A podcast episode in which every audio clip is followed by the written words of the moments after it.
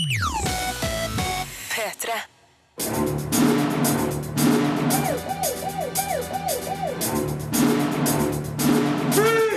Filmpolitiet! What's your name, dude? Birger Vestmo. What kind of stupid name is that? Ja, fem påskefilmer, intet mindre, anmeldes i dag.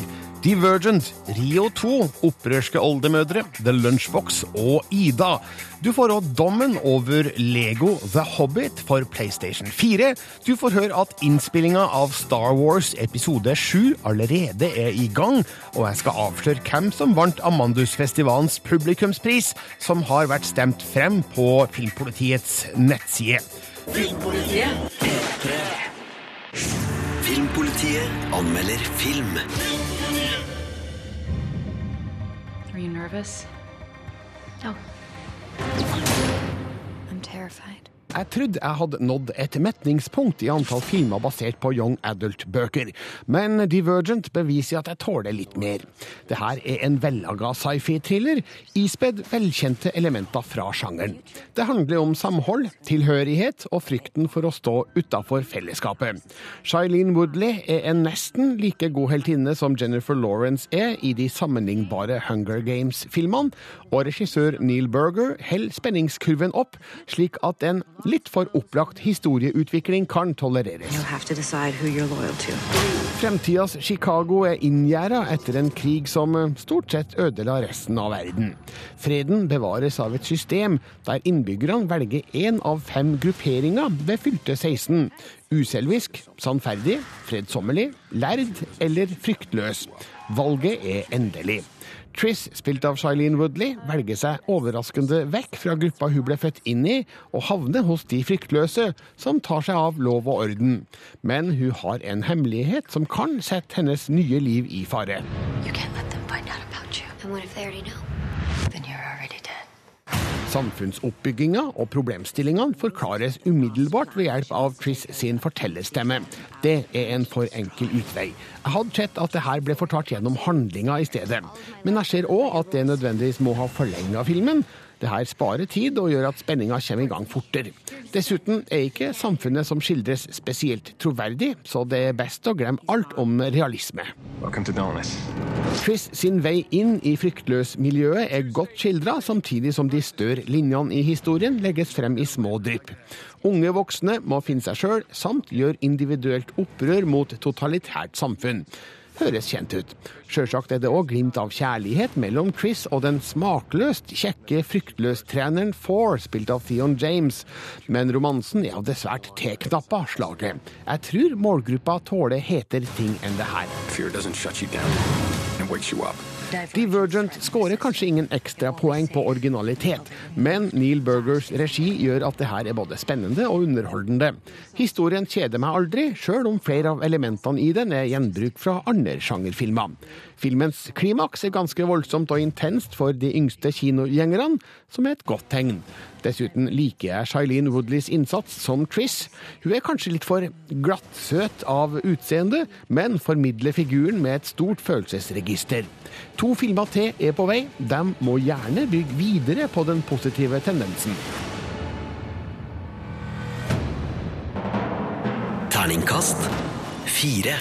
Les mer om film, spill og serier på p3.no Filmpolitiet. Filmpolitiet anmelder spill.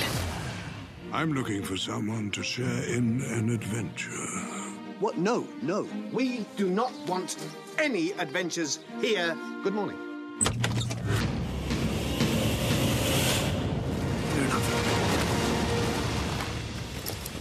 Well, that could have been worse.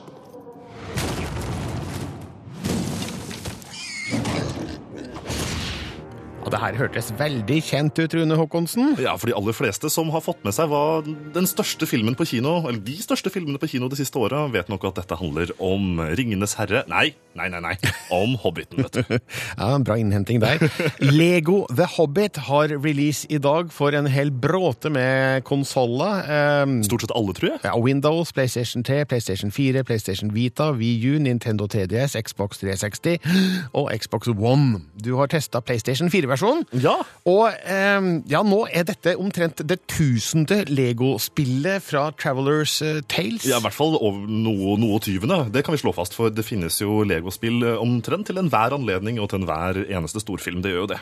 Hva er greia med Lego The Hobbit? Eh, Det, vet du hva, det er ikke så veldig mye nytt. Det er samme gamle oppskrift hvor, hvor man plasserer disse kjente filmhistoriene inn i Lego-universet og forteller historien til da filmene ganske rett fram. Men det gjøres med en humor og med et glimt i øyet som gjør at Lego-spillene da igjen hever seg og er en underholdende opplevelse for både store og små. Men når du sier at det er lite nytt her, betyr det at det er mer av det samme? Altså er det de samme problemstillingene, de samme oppgavene, de samme spillfunksjonene? Ja. vi, vi kunne egentlig stoppe anmeldelsen akkurat der og sagt at ja, det er akkurat der. eh, Men det er et par nye ting her som, som, som gjør at det blir en bitte liten variasjon fra alle de andre Lego-spillene som vi har snakka om her i Filmpolitiet de, de siste åra.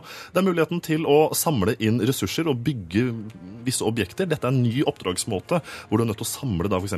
gullbarrer eller planker og tau for å kunne konstruere og, og bygge ting som kommer deg videre i spillet. I tillegg, altså, det her er for så vidt en funksjon vi så i The Lego Movie Video Game, som kom litt tidligere i forbindelse med Lego-animasjonsfilmen på, på kino. Men i tillegg så har du da også muligheten til å i en slags utvida byggemodus. For tidligere, når du skulle putte sammen brikker i Lego-spillene, så var det bare å gå bort at noen brikker som lå og hoppa på bakken. ikke sant? Ja. Holde inn rundingknappen, eller da B-knappen på Xboxen eventuelt, og så bygde ting av seg selv. Det er en litt utvida versjon av dette, hvor du kan få ta del i byggingen av større og mer kompliserte Lego-objekter, og det er en ting jeg har savna. Dessverre så er det ikke helt eh, skal vi si, Det er ikke den friheten jeg ønsker det burde være når man først snakker om Lego-brikker i et spill, men Lego The Hobbit tar det et steg videre, introduserer noen nye utfordringer som gjør at selve spillmekanikken, opplevelsen, eh, er fortsatt fresk, da, hvis jeg kan si det.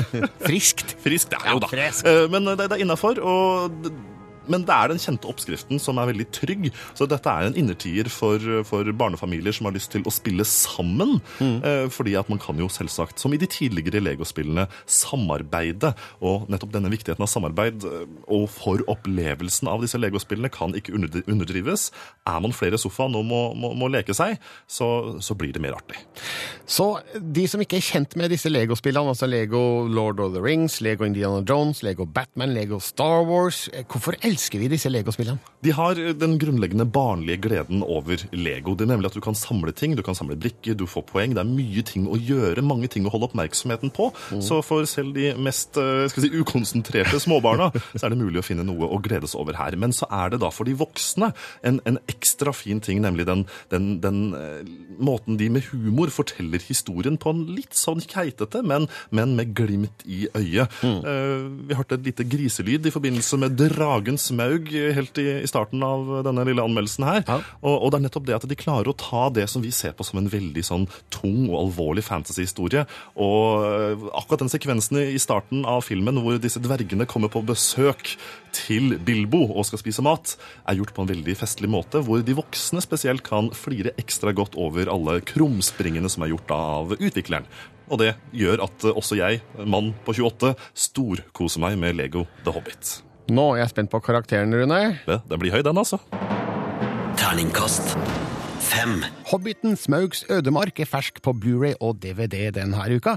Her er anmeldelsen fra kinopremieren i desember i fjor. Filmpolitiet anmelder film. We are the dwarves of Erebor.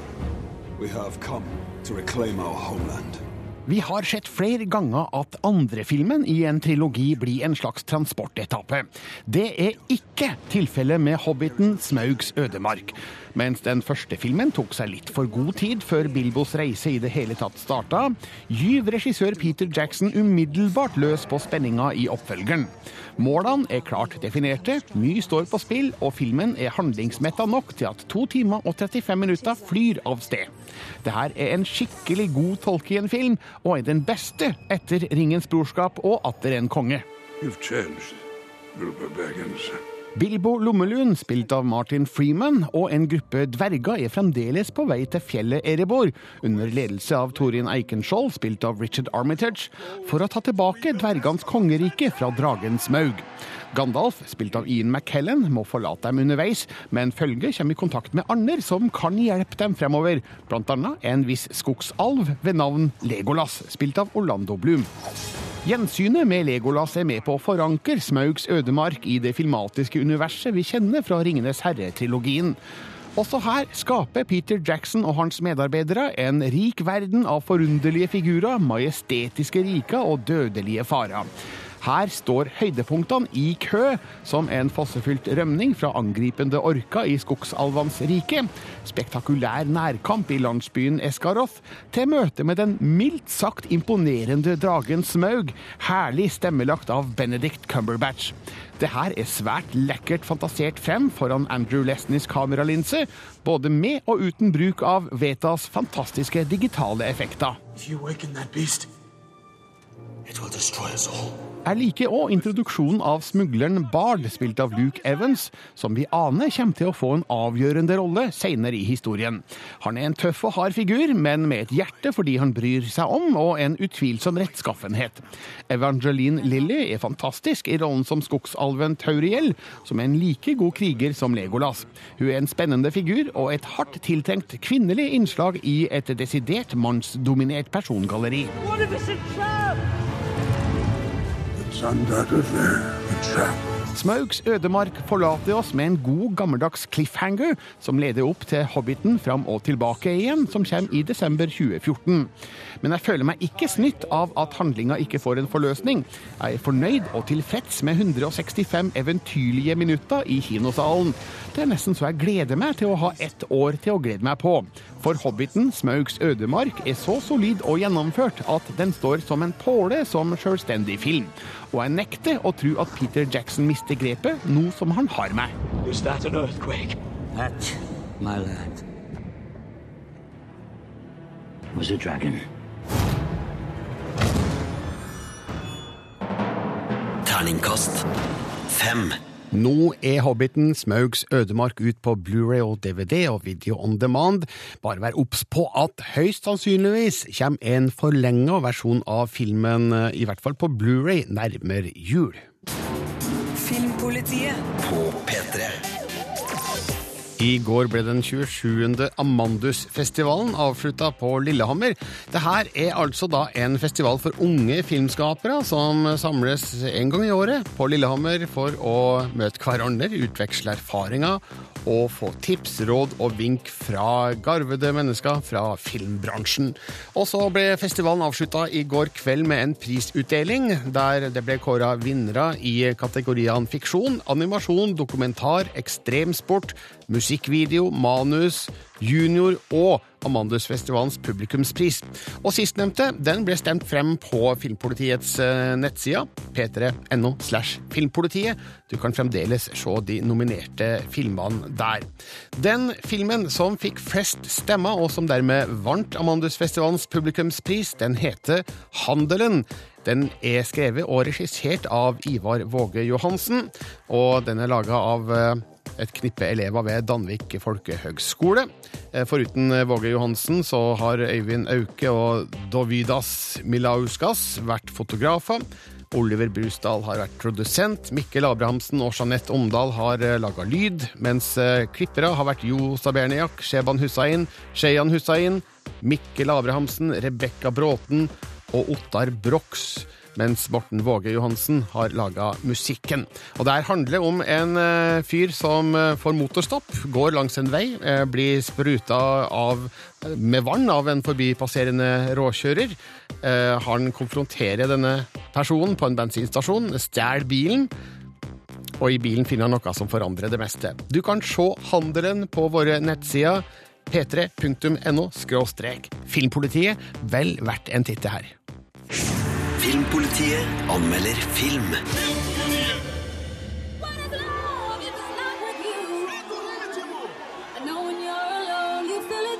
Velkommen til Rio! Den første Rio gleda meg med en frisk historie i et fargesprakende univers. Oppfølgen forsøker å gi mer av det samme, ganger 100. Alt går i rasende tempo, og vi gis sjelden mulighet til pauser mellom toppene. Faktisk forsøker filmen å være 1 time og 40 minutter med topper, noe som iblant føles anmasende.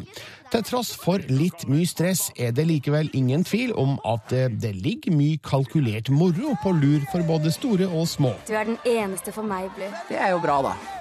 Siden jeg er den eneste andre som fins. Den sjeldne blå papegøyen Blue bor nå med kona Jewel og tre barn i Rio de Janeiro. Men så får de høre at deres menneskevenner Linda og Tulio har funnet spor av artsfrenda i Amazonasjungelen, og flyr dit for å finne ut om det stemmer. Men de har en gammel og hevnlysten fiende etter seg, nemlig den hvite papegøyen Nigel. Han har med seg en giftig frosk for å ta knekken på Blue. Det funker bare når jeg gjør det. Filmen starter i Rio, der all scena sjølsagt er nedlesa i samba, Copacabana og Jesus-statuen. Men handlinga forflytter seg raskt ut i Amazonas-jungelen, og den ville naturen er fantastisk godt animert. Stort sett skjer det meste så raskt foran kamera at man ikke rekker å registrere alt, men de få gangene farten bremses ned, er det lett å se alt det imponerende arbeidet som ligger i de små detaljene. Så det er sånn en blå papegøye egentlig skal se ut. Men denne filmen er ikke laga for å studere løv og busker.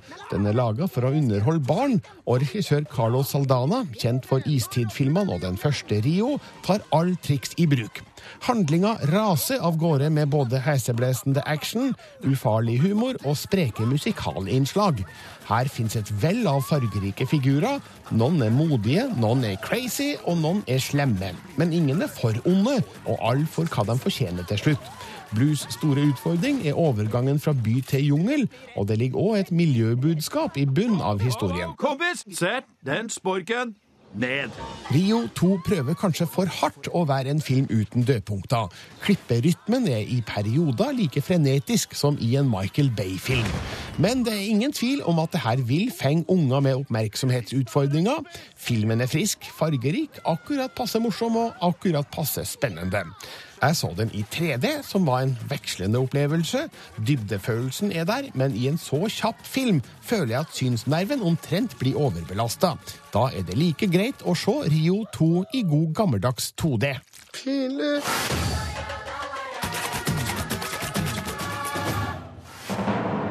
Terningkast fire. Les mer om film, spill og serier på p3.no Filmpolitiet. Elskere av dokumentarfilm på kino har gode tider. Fridtjof Kjærings En prest og en plage om eh, presten Børre Knutsen har passert 10 000 besøkende på norske kinoer.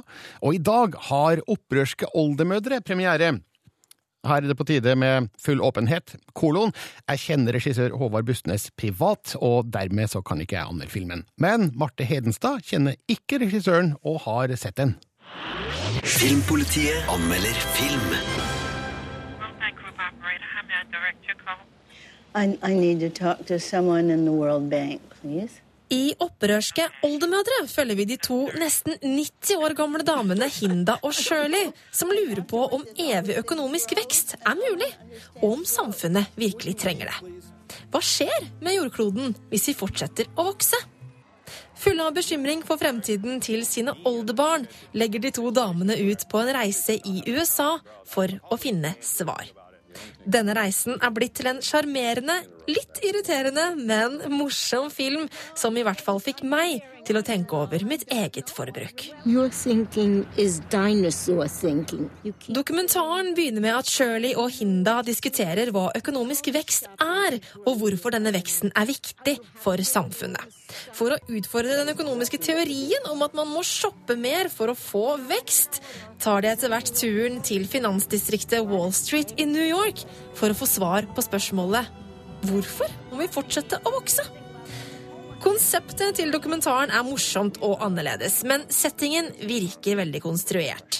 Og jeg reagerer på at Shirley og Hinda blir fremstilt som forvirra oldemødre, som først nå har begynt å fundere over spørsmålene de stiller.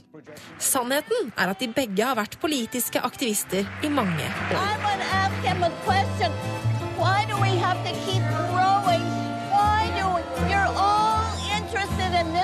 Regissør Håvard Bustnes tar oss nært innpå Hinda og Shirley i dokumentaren. Vennskapelig diskusjon, kjekling og kakling dominerer praten mellom de to, og dette er til tider litt slitsomt å høre på. Noen ganger så ble de bare redusert til de surrete gamle damene som de ser ut til å være.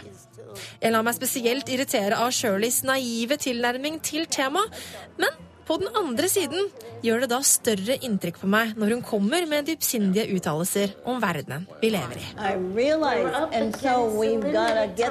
Bustnes maler også et fint, men melankolsk bilde av alderdom i dokumentaren, med nære skudd av hovne føtter og fingre forvridde av leddgikt, skaper han et rørende bilde av hvordan det er å være gammel, men likevel ha store ambisjoner for fremtida. Opprørske oldemødre er en annerledes dokumentar om finanskrisa, verdensøkonomi og ressursbruk. Vi får kanskje ingen klare svar, men filmen får deg til å tenke. Og det er nok kanskje også regissør Håvard Bustnes sitt mål. Tempoet i filmen er i likhet med De gamle damene litt tregt, men den er likevel et friskt pust i jungelen av tunge dokumentarer om vår økonomiske fremtid. Terningkast fire. Les mer om film, spill og serier på p3.no Filmpolitiet. Filmpolitiet anmelder film.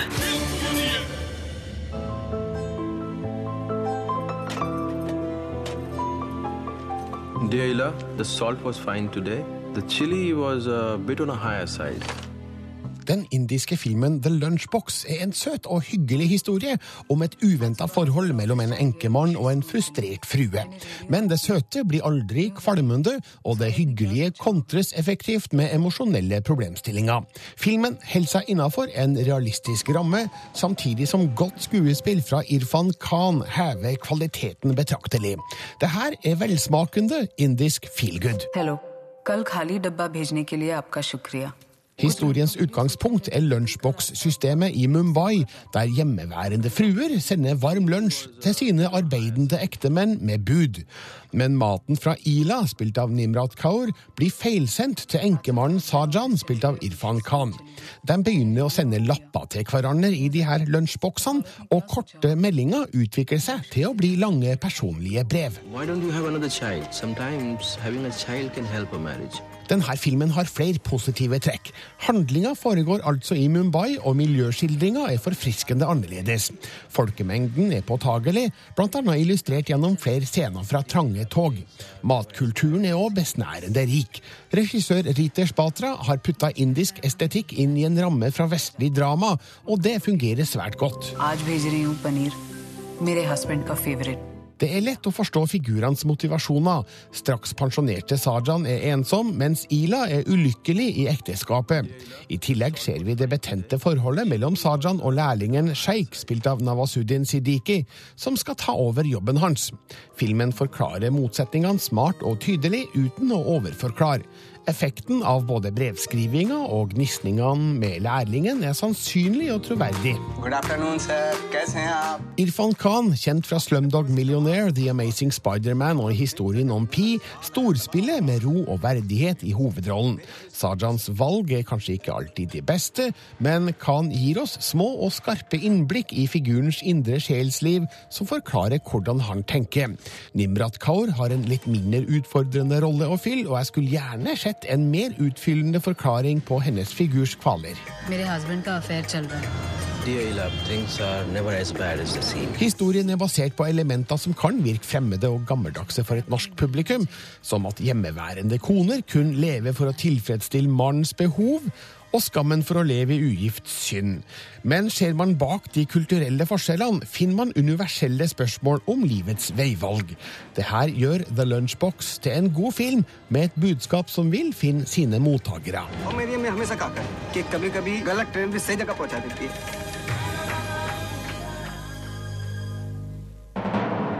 Terningkast fem. Filmpolitiet På P3. Og i dette programmet handler det om film, spill og serier. Nå har det ikke vært noe seriestoff så langt i dagens sending, og mer blir det heller ikke denne gangen. Men jeg kan jo fortelle at på søndag starter sesong sju av Mad Men i USA. Og det er den sjuende og siste sesongen, der det blir sju episoder nå i år, og sju episoder i del to av sesong sju neste år. Eh, nå har jeg sett første episode. Kan ikke si noe, fordi det er sperrefrist til mandag, men hvis du logger deg inn på p3.no slash filmpolitiet på mandagsmorgen, så finner du der min anmeldelse av episode én av Mad Men sesong sju. Her i Filmpolitiet skal vi over til Star Wars. Short for a stormtrooper. Huh? Oh, the uniform. I'm Luke Skywalker. I'm here to rescue you. Ja, Rune Håkonsen, nå er det like før episode sju av Star Wars skal spilles inn. Ja, den offisielle innspillingsdatoen er satt til nå i mai.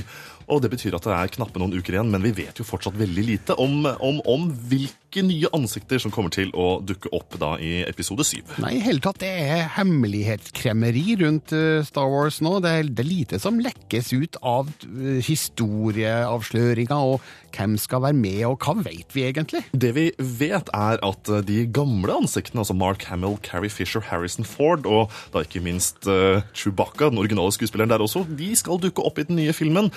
Men nå som det da er bare knapt noen uker igjen til innspillingen offisielt starter, så er det mye som er ukjent. Og, og sjefen da for Walt Disney Studios, Alan Horn, han uh, holder også kortene tett til brystet. What's the toughest part about that? Casting. Have you cast it yet? No. Well, we have a couple of things I can't. I can't disclose what we got, but we're, we're but casting. st- you'll, shoot, you start shooting six weeks. Yeah, we're, we're actually shooting some of it now. Wow.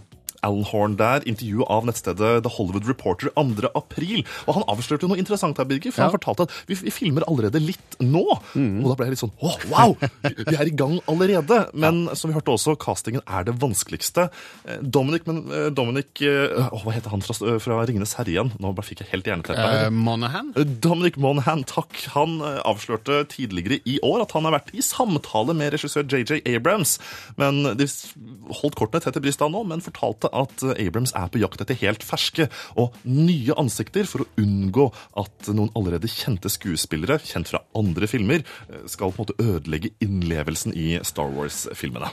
Det høres for så vidt smart ut. Det var jo slik det var da den første Star Wars kom i 1977. Det var vel ikke mange av ansiktene der som var veldig kjent fra før, med unntak av muligens eh, Sir Alec Guinness. Ja, Et par av de birollene hadde kanskje mer kjente ansikter, og det tror jeg vi kommer til å se i episode syv også.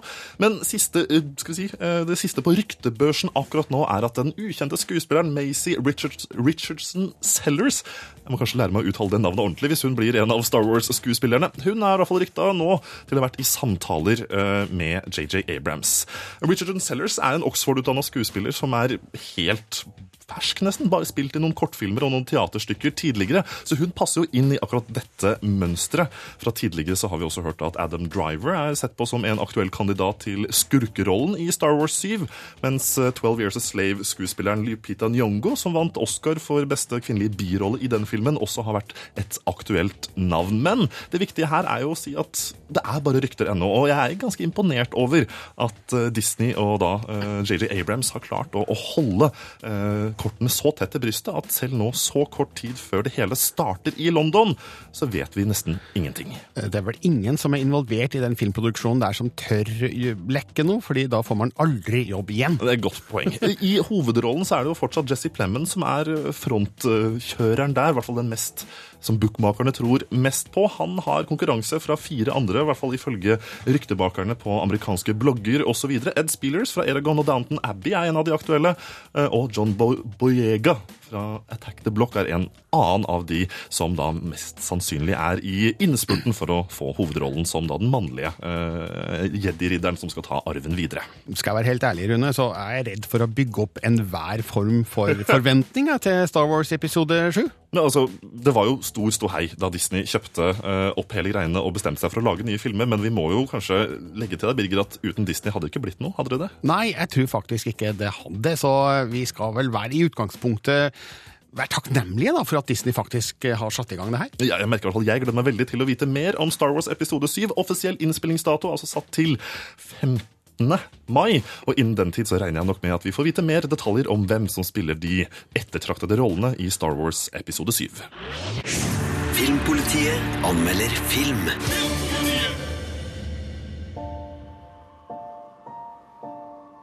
Nazywa się Wanda Gruz. To jest jedyna siostry Prewna. Powinna ją siostra poznać, zanim złoży śluby.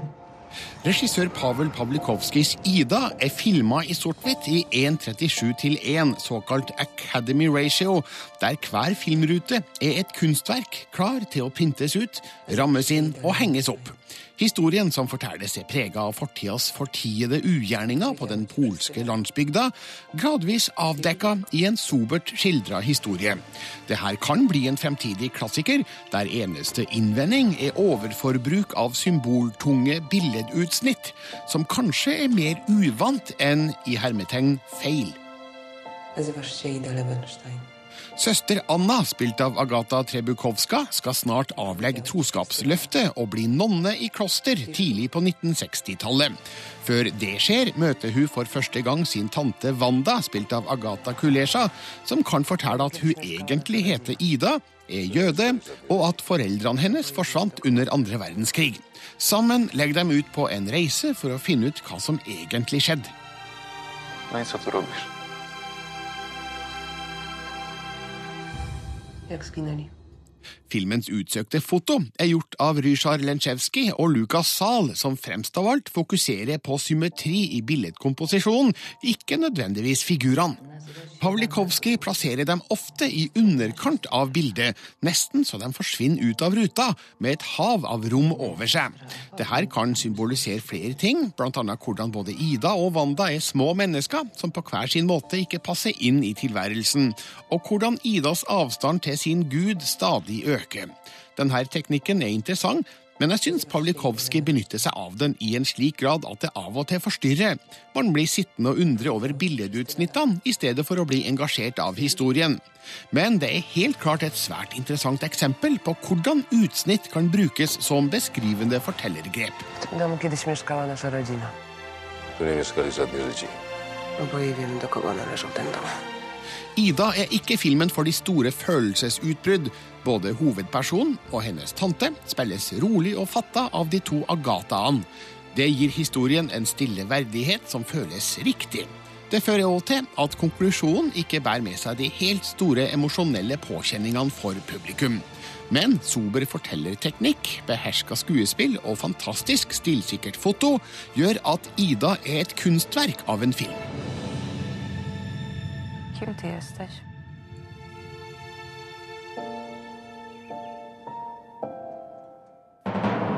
Terningkast fem. Les mer om film, spill og serier på p3.no Filmpolitiet. Filmpolitiet hver fredag fra 11 til 1 på P3.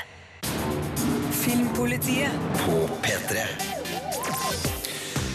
Det er mye aktivitet i norsk spillbransje om dagen. Om knappe tolv timer avsluttes kickstarter-kampanjen til norske Snowcastle Games. En folkefinansieringskampanje for deres kommende rollespill Earthlock Festival of Magic. Denne uka passerte den norske spillutvikleren målet om å samle inn 150 000 dollar. En nervepirrende periode er snart over for Bendik Stang og resten av utviklerne. Øyeblikket da suksessen var et faktum, ble likevel ikke feira med sjampis.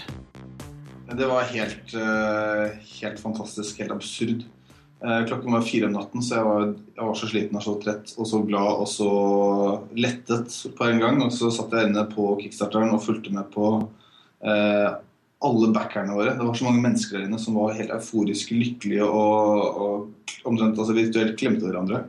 Eh, på vegne av oss. Eh, Jeg har ikke opplevd så mye eh, sånn, velvilje og, og støtte noensinne av så mange mennesker. Jeg skjønner ikke at det er mulig.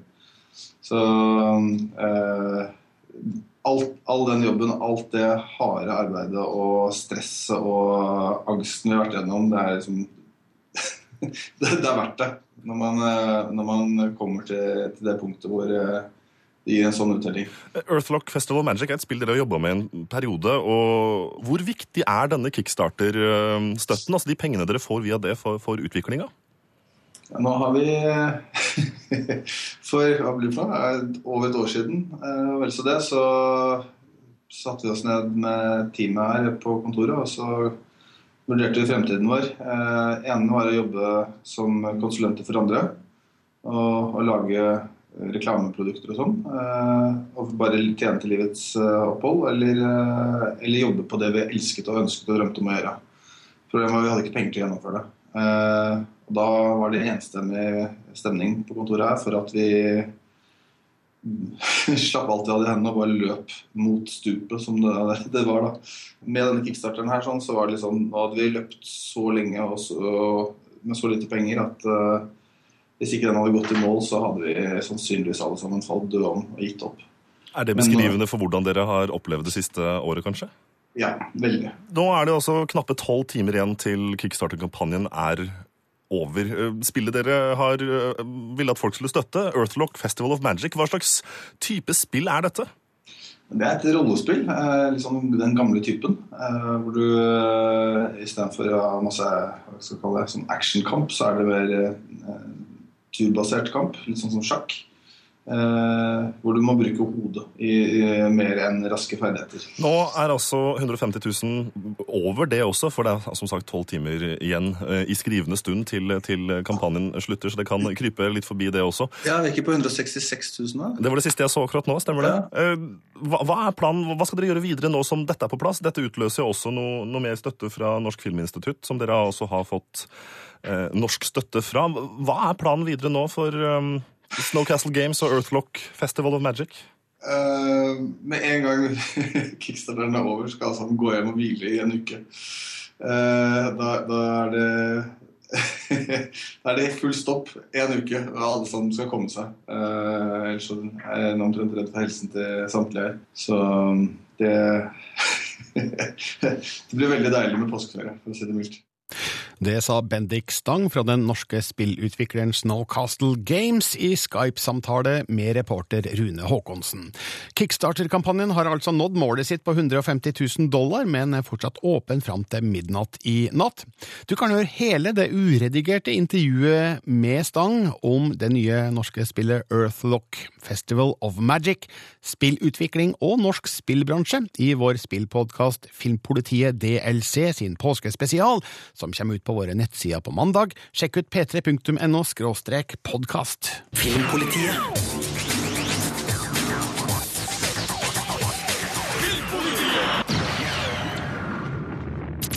Hør flere podkaster på nrk.no podkast. 3